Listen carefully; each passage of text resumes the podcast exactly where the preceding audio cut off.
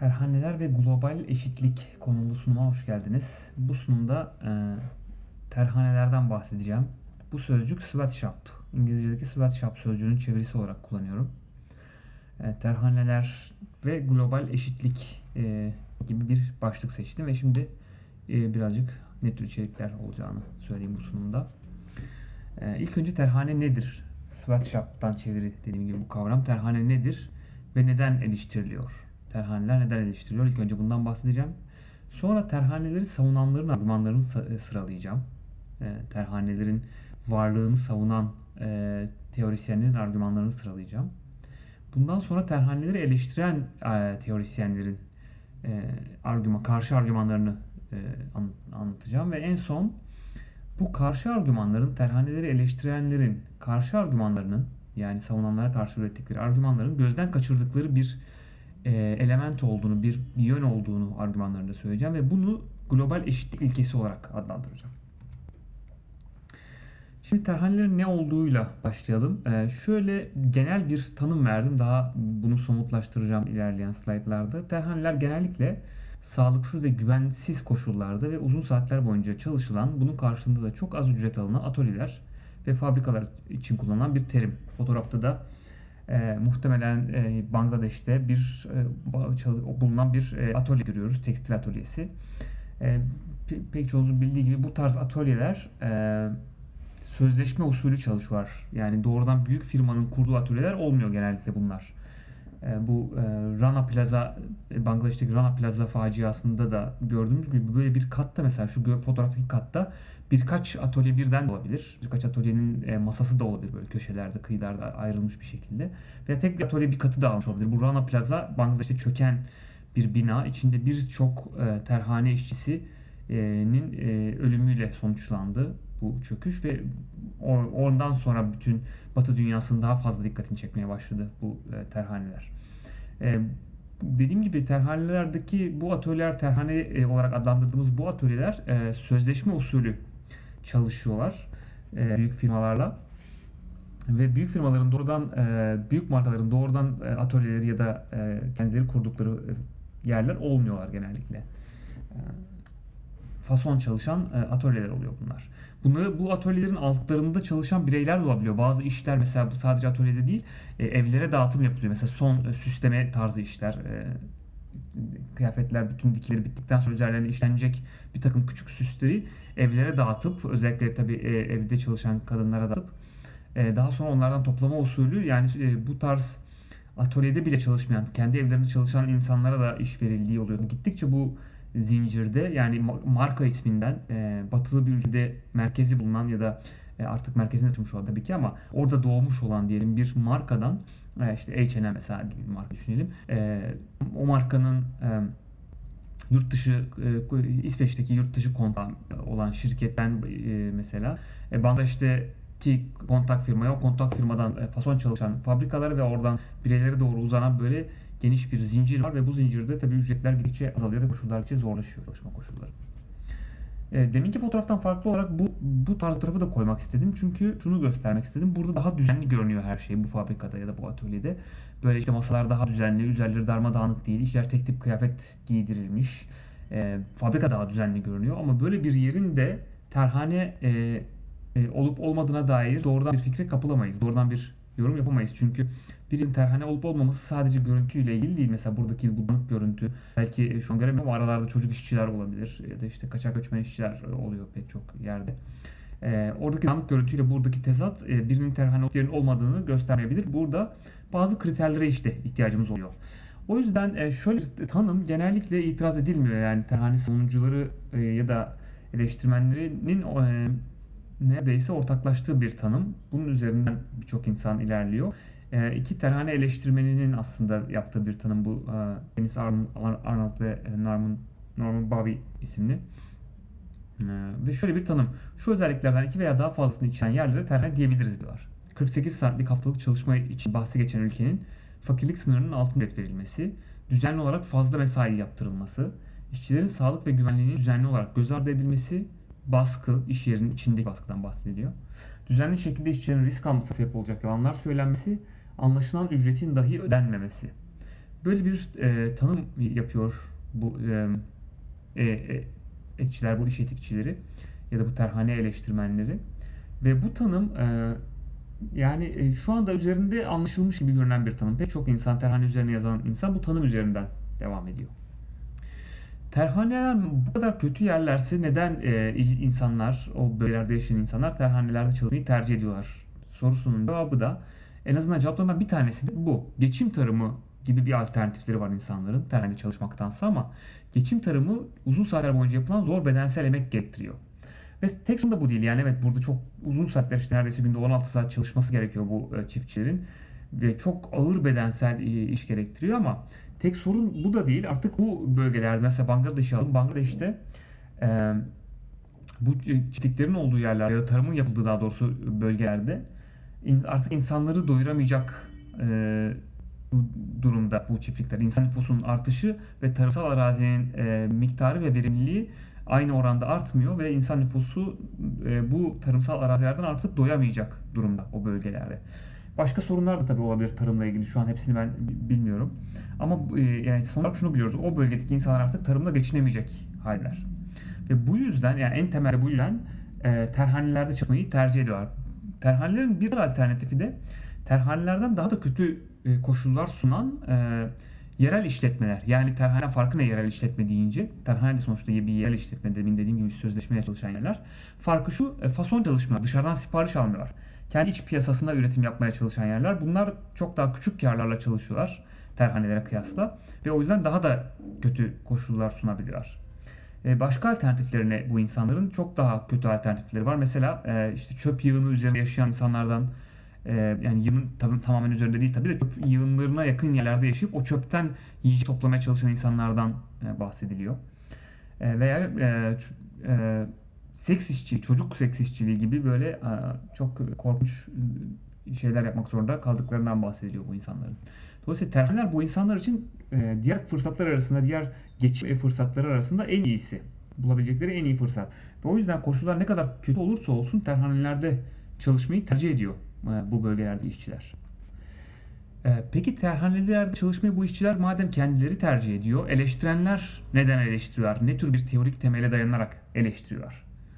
Eleştirenlerin birkaç farklı e, temelden yaklaştığını söyleyebiliriz. Mesela e, baskı kavramı, baskı literatürüne dayanan eleştiri var. Burada demin tanımda da kullandığım bir baskı vardı. Tanımı tekrar açayım. Ee, şurada da baskı kelimesi geçiyor e, tanımın içinde üstten üçüncü satırda. Buradaki baskıyla biraz sonra biraz önce bahsettiğim baskı aynı şey değil. Burada bas, bahsedilen baskı terhanede çalışmakta olan bir işçiye yapılan baskı. O tarz bir baskıdan bahsediyor. Halbuki burada baskı dendiğinde daha çok koşulların yarattığı baskıyı kastetmek istiyor e, bu kavramı kullanan insanlar. Bundan da kast, kastedilen şu, e, bu insanlar o kadar kötü koşullarda yaşıyorlar ki alternatiflerine baktığımızda gerçekten çok daha kötü alternatif, alternatifleri var. Ve bu kötü alternatifler fakirlik yani kısaca aslında e, fakirleştirilmişlik ya da fakirlik bu insanların e, üzerinde bir baskı kuruyor. İktisadi baskı diyebiliriz mesela. Bu yüzden insanlar terhanelerde çalışmaya e, çalışmayı tercih ediyorlar gibi bir eleştiri noktası var. Bu literatürdeki sorun şu. Baskı literatürü işte İngilizce'de coercion diye geçiyor. Genellikle e, insanların e, birine yaptığı bir e, eylem olarak değerlendiriliyor. Bir ahlaki yanlış olarak değerlendiriliyor. Yani bir mesela bu bunun da en klasik örneği e, bu terhane örneğinde de zaten kullanılır. Bir şeyin bir suçlun silah çekip yolda birisine ya paranı ya canını demesi baskının en tipik örneği olarak gösteriliyor. Bu bir baskıdır deniyor. Yani baskının neredeyse tanımsal örneği bu. Bunun e, bunun üzerinden bir, bir takım tanımlar geliştirmeye çalışıyor e, felsefeciler ve e, mesela bu örnekteki en temel özellik şu olarak geçiyor. E, bu e, tehdit yapılmadan önce yolda yürüyen kişiye ya paranı ya canını tehdidi yapılmadan önce hem parasını hem canını e, elinde tutma hakkına sahipti. Bu tehdit yapıldıktan sonra hakkı o önceden hakkı olduğu şeylerden en az birinden vazgeçmesi gerekiyor artık. Yani kriter olarak şunu koymuş oluyor bu tanım. Önceden hak, bas, e, baskı, önceden hak olduğu şeylerden insanı baş, e, en az en az bir veya birkaçına birkaçından vazgeçmeye zorlayan e, bir teklif ya da bu koşullarda bir tehdittir şeklinde tanımlanıyor. Ama e, mesela terhane durumuna baktığınız zaman terhane tefi yapılmadan önce yani diyelim mesela H&M Bangladeş'te bir şirketle terhane üzerine anlaşıp bir e, sipariş e, ver üzerine anlaşıp o şirketin de o e, fason çalışan firmanın da e, terhane iş teklifini oradaki işçilere yapmasından önce bu işçiler hakları olduğu e, bir şeyden vazgeçmek zorunda kalmıyor. Neye hakları vardı bu insanların? İşte e, daha kötü çalışma koşullarına mesela hakları vardı diye düşünebiliriz. İşte ya da çöpten yemek toplamaya hakları vardı gibi böyle tuhaf cümleler kurmak zorunda kalıyoruz ama bu haklardan vazgeçmek zorunda kalmıyorlar. Yani baskı tanımına uymuyor burada yaşanan şey. E, e seçim seçenekleri mesela yoldaki e, tehdit örneğinde silahlı e, silahlı tehdit örneğinde kişi ya paranı ya canını dediğinde e, seçeneklerini azaltıyor buradaki mağdurun. Mağdurun önceden seçenekleri hem parasını hem canını tutmaktı. Bu tehditten sonra ikisinden birinden vazgeçmesi gerekiyor. Seçenekleri azalıyor yani. Halbuki terhane örneğinde seçenekler azalmıyor. Halbuki e, tam aksine artıyor seçenekler burada. Daha fazla seçeneği var artık e, terhane e, de çalışan insanların daha doğrusu terhane teklif, kendisine terhane teklifi yapılan insanların öncekine göre bu tekliften sonra daha fazla seçeneğe, e, seçenekleri olduğu söylüyoruz. O yüzden baskı literatürünü kullanamıyoruz terhaneyi eleştirmek için. Yani eleştirenler e, aslında bu yüzden eleştiriliyorlar. Baskı literatürünü kullanarak terhaneleri eleştirenler bu yüzden e, e, eleştiri altında kalıyorlar. Yani hata yaptıkları gösteriliyor. Sömürü literatürü var. Terhaneleri eleştirenlerin kısmı sömürü literatürünü kullanıyor. Söm, sömürü de tabii daha Marksist bir kavram.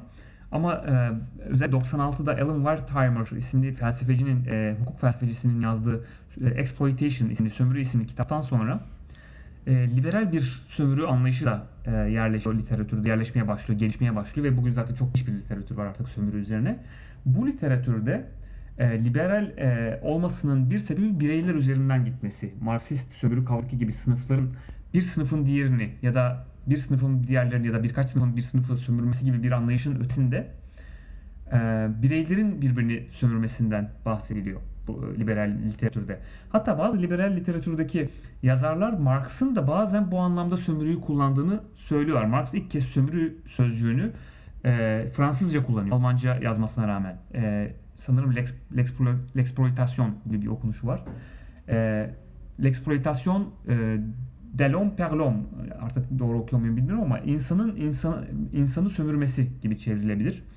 Bu kullanımda e, mesela Marx bile şeyden bahsediyor. İş, e, işçi sınıfının, işçi sınıfındaki bir bireyin e, kapitalist sınıftan bir birey tarafından sömürüldüğünü anlatırken bu işçinin aynı zamanda karısını ve çocuklarını da sömürdüğünü söylüyor. Yani sömürünün toplumda böyle güçlüden güçsüze doğru yayıldığını söylüyor. Orada bir evet Marx'ı tabii ki sınıfsal e, olarak ele aldığını inkar edemeyiz tabii ki ama orada bireysel bir sömürü kavramına da izin verdiğine dair kanıtlar önemli felsefeciler, teorisyenler var. Bunu da düşünerek e, liberal literatürde bireysel e, sömürü kavramının geliştirildiğini görüyoruz.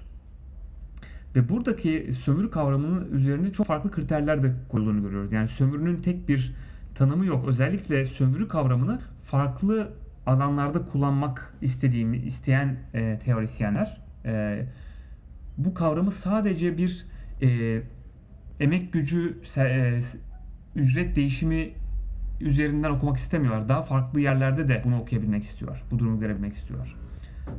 E, mesela geleneksel e, aile yapısında e, kadının ev, ev emeği, ev içi emeğinin e, sömürüldüğünü söylerken burada sadece e, bir ücret karşılığı emek gücünü e, satan bir insanın sömürüsü değil, bir e, ortaya ortada bulunan bir anlaşma içinde, bir evlilik anlaşması içinde bulunan bir insanın da sömürülebileceğini mesela kapsamak istiyorlar. Bu yüzden daha farklı sömürü e, durumlarını da kapsamak istiyorlar. Bu yüzden e, sömürü kavramının e, çok farklı kriterleri ortaya çıkıyor. Farklı şekillerde tanımlanan sömürü kavramları ortaya çıkıyor.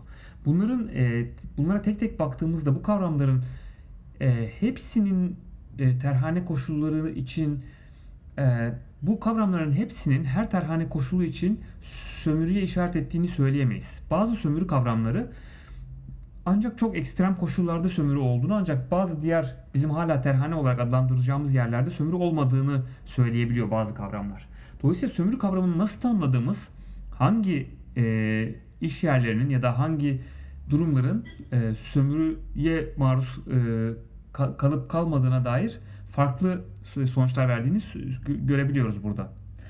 O yüzden sömürüye dayalı e, bir eleştiri yaparken de yani hangi sömürü kavramını kullandığımız sonucu değiştirecektir. Hangi terhaneden e, bahsettiğimize göre de aynı zamanda tabii ki. O yüzden de sömürü kavramı bütün terhaneler kesinlikle e, eleştiriye tabi tutulmalıdır ya da bütün terhanelerin varlığı ahlaken yanlıştır diyemiyor. Hala bazıları için söyleyebiliyor ama böyle tamamen e, ortalığı süpüren bir tanım yapamıyor.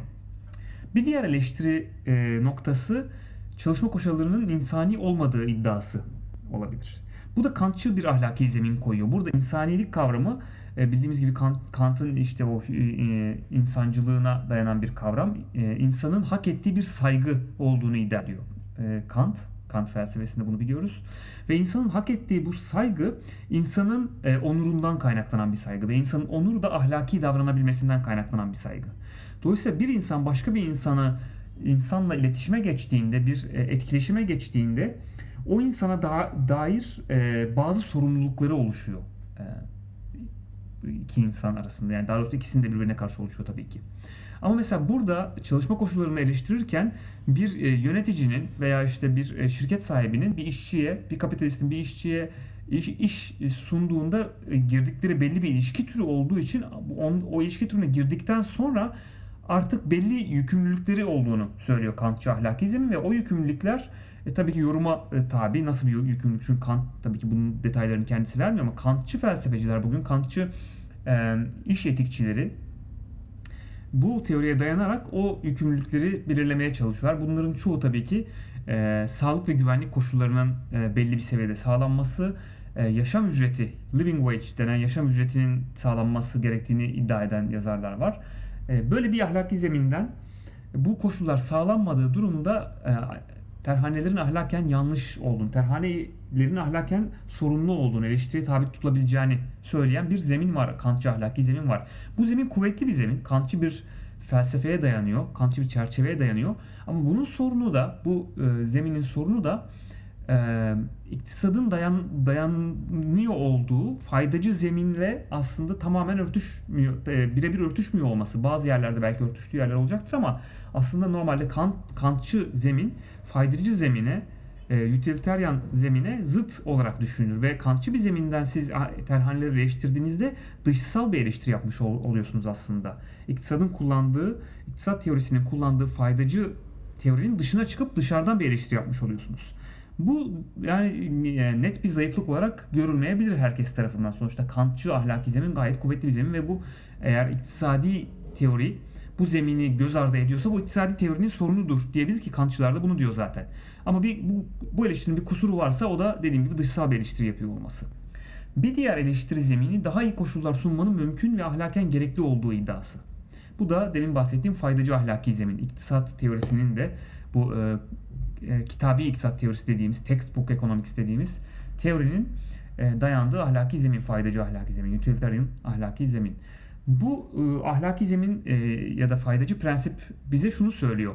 Her durumda yapmamız gereken e, davranış, içinde bulmamız gereken davranış veya uygulamamız gereken politika e, bu politikadan veya davranıştan etkilenecek tüm insanlar e, e için en fazla e, mutluluğu sağlamamız gerektiğini söylüyor faydacı ahlaki zemin. En fazla insan için e, en fazla miktarda mutluluğu sağlamamız gerekiyor.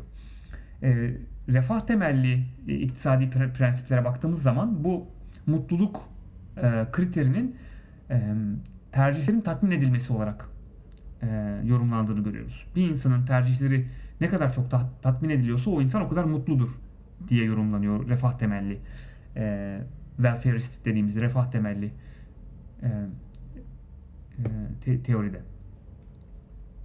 ya da refah temelli bakış açısında. Ve bu bakış açısına göre dolayısıyla terhaneleri eleştirmek şu açıdan mümkün. Daha iyi koşullar sunmak mümkün. Çünkü faydacılık bize ne diyordu? Öyle bir politika ya da öyle bir davranış içinde bulunmalısınız ki bu en fazla insan için, bundan etkilenen en fazla insan için en fazla mutluluğu sağlamalı. Siz daha terhanelerden daha iyisini sunabileceksiniz. Daha fazla mutluluğu ya da daha fazla e, seçim tatminini sunabilecekseniz daha azını sunmanız ahlaken yanlıştır. O yüzden terhaneler yanlıştır diyor bu teori ve bir sürü ekonomik yol, iktisadi yol gösteriyor bu terhanelerin geliştirilebilmesi için. daha iyi nasıl yapılabileceğine dair. Mesela terhanelerde e, birçok terhane, mesela Bangladeş'teki terhaneleri ele alalım. Bangladeş'te asgari ücret kanunları olmasına rağmen terhaneler bu kanunları uygulamıyorlar. Devlette hem işte e, yozlaşmadan dolayı hem yeterince güçlü olmadığı için bu kanunların uygulanmasını yeterince iyi denetleyemiyor. E, ve bu e, denetlemenin e, olması durumunda terhane savunucuları diyorlar ki yani bu e, denetleme olması durumunda ya da e, firma sahipleri ya da yöneticiler kendi istekleriyle asgari ücretleri arttırdığında karlarını sabit tutabilmeleri için bazı işçileri işten çıkarmaları gerekecek diyorlar. Ve bu faydacılık açısından kötüdür diyorlar aslında. Terhaneleri savunanlar. Halbuki eleştirenler de faydacı zemini kullanan eleştirenler diyorlar ki e, hayır böyle değildir yanlış bir e, refah analizi yapıyorsunuz. Ücretler ar- arttığında e, spillover effect dedikleri bu e, taşma etkisi sayesinde aslında e, ekonominin işte Keynesyen bir bakış açısı olarak yorumlanabilir belki. Ekonominin genel olarak yani bazı insanların ücretleri arttığı için bazı insanlar işlerini kaybetse bile toplamda insanların e, mutluluklarının artacağını, tercih tatminlerinin artacağını, o yüzden faydacı zemin açısından asgari ücret kurallarının uygulanması gerektiğini söyler. Ve bu yüzden daha az asgari ücretin altında ücret ödeyen yerler faydacı ahlaki zemin açısından bir hata yapıyorlardır e, deniyor. Bu bayağı kuvvetli bir e, ahlaki zemin, bayağı kuvvetli bir eleştiri. Çünkü e, iki açıdan çok kuvvetli. Bir faydacılık çok kuvvetli bir ahlaki teori zaten. Geniş kabul görmüş. iktisat teorisinin üzerine oturduğu bir e, teori. İki, e, içeriden bir eleştiri sunuyor. Kant- Kantçı ahlaki zeminin dışarıdan sunduğu eleştirinin aksine. İçeriden dememin sebebi de şu. iktisat teorisinin dayandığı prensipleri kullanarak onu eleştiriyor. E, şey yani ahla, e, o zemini kullanarak terhaneleri eleştiriyor. Bunlar dışında farklı küreselleşme karşıtı hareketlerin getirdiği eleştiriler var. Bunun mesela bunların yanında e, Marksist, anarşist ya da daha farklı politik temellere dayanan eleştirileri sayabiliriz. Terhaneler bu şekilde eleştiriliyor genel olarak. Peki terhaneleri bu eleştiren bu insanlar ne talep ediyor? Ee, iki şey talep ediyor özellikle. Ee, öncelikle doğrusu iki adımlı bir şey talep ediyor. Müdahale edilmesini talep ediyor. Terhanenin müdahale edilmesi gerektiğini söylüyor ve müdahale birçok farklı yoldan olabilir. Mesela burada müdahale olarak bahsedilen şey genellikle terhane karşıtı aktivizm olabilir. Ve bu sendikalar yolu, uluslararası sendikalar, yerel sendikalar ya da bir batı ülkedeki tüketici sendikaları aracılığıyla olabilir. Tüketici boykotları olabilir. Tüketici boykotlarında özellikle ünlülere çok görev düşüyor burada ahlaki görev. Şu ünlülerin katılımıyla özellikle tüketici boykotlarının e, başarılarının arttığını biliyoruz. E, Böyle çok mesela bugünkü jargonu kullanacak olsak takipçisi olan insanlar diyebiliriz mesela bu duruma.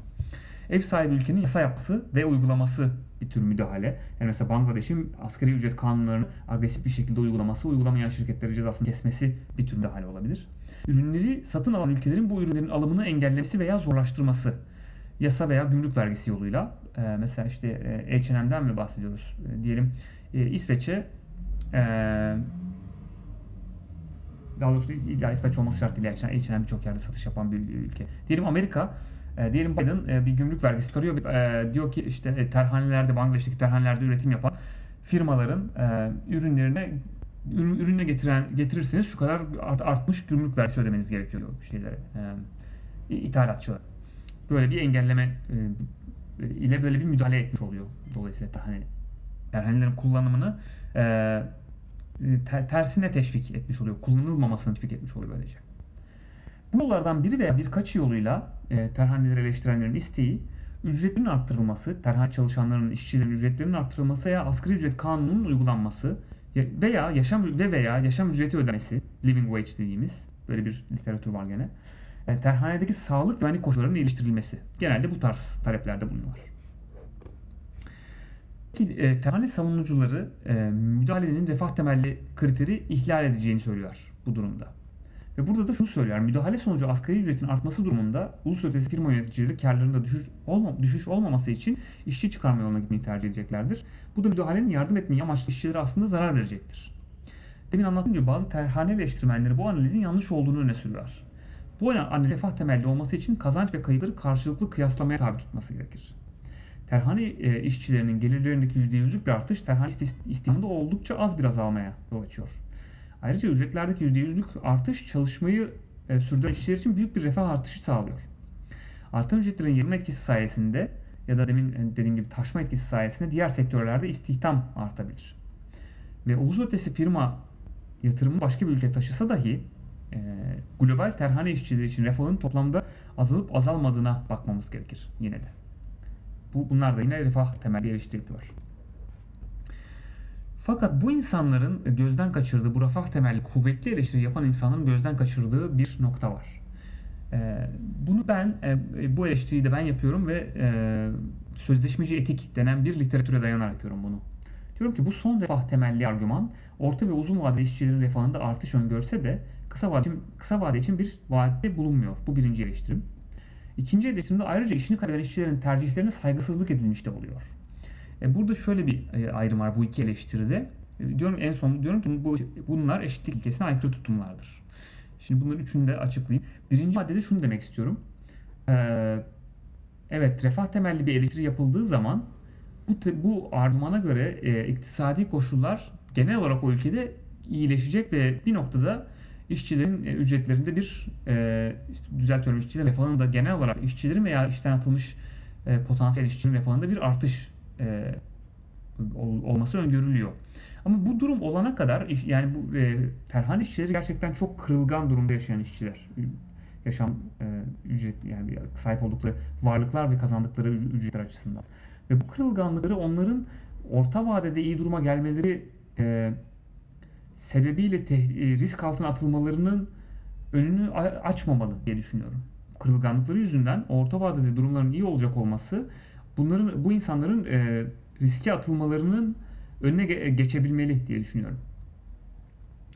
Ve bunun için kısa vadede bir vaatte bulunulmuyor refah temelli argüman tarafından. E, bu refah temelli bir refah temelli argümana yani refah temelli terhane eleştirisine benim refah temelli yaptığım bir eleştiri. Yine refah temelli. İkinci eleştirim Kant temelli bir eleştiri. Ayrıca diyorum iş kaybeden işçilerin tercihlerine saygısızlık edilmiş oluyor. Buradaki eleştirim de şu.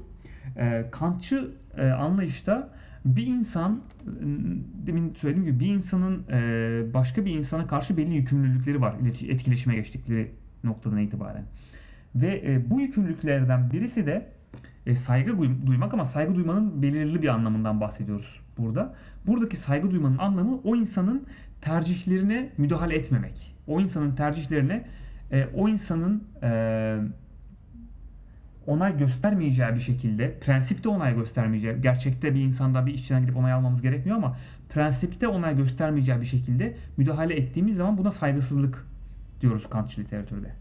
Ve işini kaybeden bir işçinin e, bizim müdahalemize onay vermeyeceğini varsayabiliriz. Bu varsayımsal adım sonrasında bu işçiye saygısızlık ettiğimizi, müdahale ederek saygısızlık ettiğimizi söyleyebiliriz. Bu da Kantçı itirazım. Bu e, faydacı e, Berhan eleştirisine.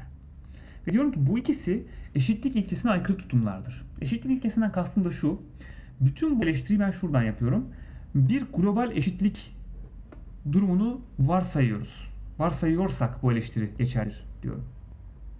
Yani böyle bir eşitlik çerçevesi içinden e, konuştuğumuzu varsaysak ki liberal, liberal tutum, liberalizm bu e, eşitlik varsayımıyla yola çıkıyor. Her bir bireyin aynı değerde olduğunu, aynı ahlaki değerde olduğunu ya da işte ahlaki kelimesini burada işin içine karıştırmayalım. Bu bu şekilde geçmesine rağmen her e, bir bireyin eşit değerde olduğunu söyleyerek e, temellerini kuruyor liberal teori. Ve biz e, bu teori içinden bir eleştiri yapıyorsak ki öyle yaptığımız zaman içeriden bir eleştiri yapmış oluruz ve bu daha genelde daha kuvvetli bir eleştiri olarak görülür. E, ama işte o zaman eşitlik ilkesine aykırı tutumlar olduğunu görüyoruz bunların. Bu da buna da global eşitlik temelli eleştiri diyorum ya da sözleşmeci etiğe dayalı eleştiri de diyebiliriz. Peki e, global eşitlik ilkesi gereğince ne yapılması lazım öyleyse? İki tane önerim var benim. Daha bunlar artırılabilir aslında bu öneriler ama iki belirgin öneri bu ön plana çıkıyor. E, burada diyorum ki herhangi bir müdahale öncesinde işini kaybetme ihtimali olanlar için bir fon bulunmalı. Bulunamadığı durumlarda müdahale edilmemelidir. Yani burada şunu göz önüne almaya çalışıyorum. E, işini kaybetmeyen herhangi bir müdahale sonrasında işte bir bu bir boykot olabilir, bir bir tür e, başka tür bir aktivizm olabilir. Mesela işte bir e, Nike için e, Amerika'da zamanında Amerika ve yapılan bir boykot vardı Nike'ın e, perhanelerde çalıştığı duyulduktan sonra, geniş bir duyulduktan sonra ve bunun üzerine Nike çalışma koşullarını değiştirmişti. Bu böyle bir boykotta e, boykot sonrasında firma çalışma koşullarını iyileştirmeye, yatırım yapmaya karar verdiğinde e, ilk ilk etapta biraz işçi çıkarmak tercihinde bulunur. Ve işte bunun olduğunda bazı örneklerde görüyoruz. E, bu durum yani daha doğrusu bunu teoride görüyoruz aslında. Bazı örneklerde olan örneği, örnekte bulunabilir, olmayan örnek de bulunabilir. Literatürde bu çok zayıf. Daha çok verilen örnekler ücretler artırıldığında e, firmanın nasıl davranacağına dair verilen örnekler de aslında daha çok e, gelişmiş ülkelerden verilen örnekler. Özellikle de Amerika'dan verilen örnekler. O yüzden aslında bu literatür biraz da eleştiriliyor. Yani ücret arttırıldığında kesinlikle işçi çıkaracak bir firma mutlaka işçi çıkaracaktır denmesi e, Amerika'daki literatürden verilen örnekler. Yani Bangladeş üzerinden örnekler en azından iş etiği literatüründe e, kullanılmıyor ve bu bir eksiklik aslında.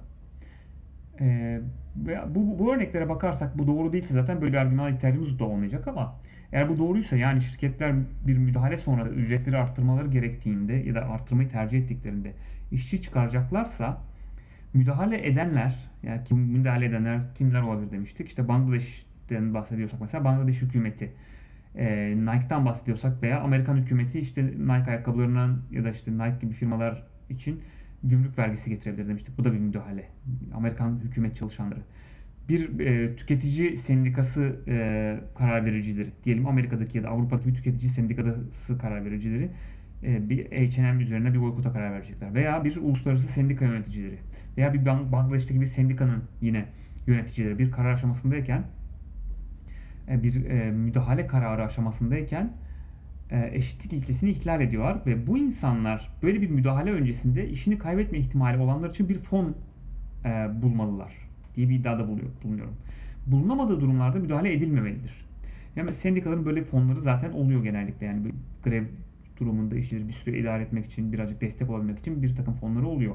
Tabii Bangladeş'teki sendikalar oldukça sınırlı. Çok sınırlı sendikalar var ama mesela orada da şöyle stratejiler önerilebilir. Bangladeş'te e, bu e, oyuncak ayakkabı ve kıyafet, terhaneler daha çok oyuncak ayakkabı ve kıyafet sektörlerinde e, çalışan firmalar oluyor. Daha e, daha ürünleri daha pahalı olan e, sektörlerde diyelim mesela işte elektronik eşya sektörü ya da otomotiv parçaları sektörü gibi sektörlerde çalışan işçilerin e, sendikaları daha kuvvetli ya da var. Çünkü diğerlerinde sendikalar bazen ya kuvvetsiz ya da yok gibi bir şey Bangladeş'te şu an. En son durumu bilmesem de birkaç yıl önce en azından bu şekildeydi. E, mesela böyle bir müdahalede bulunan bir sendika bu daha kuvvetli sendikalarla işbirliği yapma yoluna gitmeyi tercih edebilir. E, fonu oluşturabilmek için. Veya uluslararası örgütlerden bir takım fonlar bulmaya çalışabilir. Ya da uluslararası sendikalardan yardım isteyebilir. Ya da e, zengin ülkelerdeki ya da gelişmiş ülkelerdeki daha doğrusu e, sendikalardan bir takım fonlar bulmaya çabalayabilir. Yani bu tarz bir fon bulunmadığı durumlarda müdahale edilmemelidir diyorum global eşitlik ilkesi gereğince. Yani eğer biz bireylerin eşitliğini göz önüne alıyorsak e, böyle bir fon yokken bir müdahalede bulunmamalıyız. Biz biz dediğim kim? İşte Bangladeş yöneticileri, Amerika yöneticileri, yani tüketici ülke yöneticisi, sendika yöneticileri, uluslararası sendika yöneticileri gibi e, insan. Bir aktivist, tüketici aktivisti, bir boykot destek verecek olan bir ünlü, gene bir ahlaki sorumlu olduğunu iddia ediyorum. Bir başka vardığım sonuçta şu ikincisi, ulus ötesi firmanın yatırımını başka bir ülkeye taşıma ihtimali olan durumlarda müdahale büyük marka ismini hedef alacak şekilde olmalıdır. Diyelim e, H&M'in bir takım e, e, çalışmaları, bir takım siparişleri var Bangladeş'te. Bir takım fason şirketlerle çalışıyor. E, ama ve, ve biz bu koşulları protesto etmek istiyoruz ya da şey e, boykot etmek istiyoruz. E, buradaki firmaları ya da protesto etmek istiyoruz Bangladeş'teki bir sendik olarak diyelim. E, belki greve gitmek istiyor vesaire. E, bunu yapmadan önce bu firmanın hangi büyük markalarla çalıştığını bulmak gibi bir ahlaki sorumluluğumuz olduğunu iddia ediyorum burada. Yani bir firmayı, bir fason fason bir firmayı, lokal olarak Bangladeş'in bir şehrinde çalışan, fason çalışan bir firmayı hedef alacak bir eylem o işçiler sadece zarar verecektir. Başarılı olursa. Başarılı olmazsa zaten başarısız olduğuyla kalacaktır ama belki o da ayrı bir ayrı tür bir zarar verecektir ama başarılı olursa da zarar verecektir. Çünkü böylece e, o, o fason firmayla çalışan H&M'e esas zarar verilmemiş H&M gidip başka bir yerle çalışma olanağı bulacaktır. O firmanın hangi markalara üretim yaptığını bulmak e, gerekiyor ki bu da çok kolay bir iş olmuyor her zaman. İşte mesela YouTube üzerinde de bir sürü belgesel var. E, Bangladeş'teki çalışma koşullarını anlatan oradaki e, terhanelere giren insanların çektiği belgeseller çok zor koşullarda bilgi alıyorlar, çok zor çekiyorlar. Yani bu bilgileri almak kolay olmuyor o kadar da. Hangi markayla çalıştığını bulmak kolay olmuyor bir firmanın. Dolayısıyla bu müdahale e, ne kadar zor olursa olsun bu marka ismini hedef alacak şekilde olmalıdır. Bu eğer marka ismini öğrenemiyorsak böyle bir müdahaleye kesinlikle girişmemiz ahlaken yanlıştır iddiasında bulunuyorum. Hangi durumda? Uluslararası firmanın yatırımını başka bir ülkeye taşıma ihtimali olan durumlarda. Peki bu durumları nasıl tespit edebiliriz? Bu çok kolay olmayabilir tabii ki. Ee, yine işte bir takım e, ticari ajanlar sayesinde olabilir. Ticari e, bilgi sızdırmalar sayesinde olabilir. Ya da işte bir takım tahminler sayesinde olabilir. Ya da e, bunu daha önce yapmış bir firmadan mesela bahsedebiliriz. Yani Nike sanıyorum yine bunu daha önce yapmıştı. Başka bir yani o ülkeden tamamen çekilip başka bir ülkeye gitmesi. Tabii ki bu bir, bir firma sadece ücretler arttığı için birdenbire başka bir e, ülkeye gitmiyor. Bu o kadar da kolay bir şey değil yani. Çünkü işçilerin ne kadar vasıfsız da olsa bir e, yetiştirilme süreci var veya e, o ülkede bir an- anlaşma sü- süreci var. Yani öyle pat diye birden çıkamıyor bir firma. Ama yine de eğer e, çıkma ihtimali varsa bu bu tür sebeplerden olabiliyor çıkma ihtimali. Yani işte ne, ne, ne tür sebepler? Ücretlerin artması, e, lokal hükümetin, yerel hükümetin vergileri arttırması gibi sebeplerden olabiliyor. Ve bu olanak yoksa, e, marka ismini hedef alma olanağı yoksa müdahalenin ertelenmesi gerektiğini söylüyorum. Bu iki sonuç benim vardığım iki önemli sonuç bence. Başka sonuçlar da belki varılabilir ama bu ikisi bayağı önemli göründü bana. Ve bunlar e, global eşitlik ilkesi gereğince e, müdahale edecek olan herkesin e, üstlenmesi gereken ahlaki sorumluluklar olarak yorumluyorum. Teşekkür ederim ve soru cevap kısmına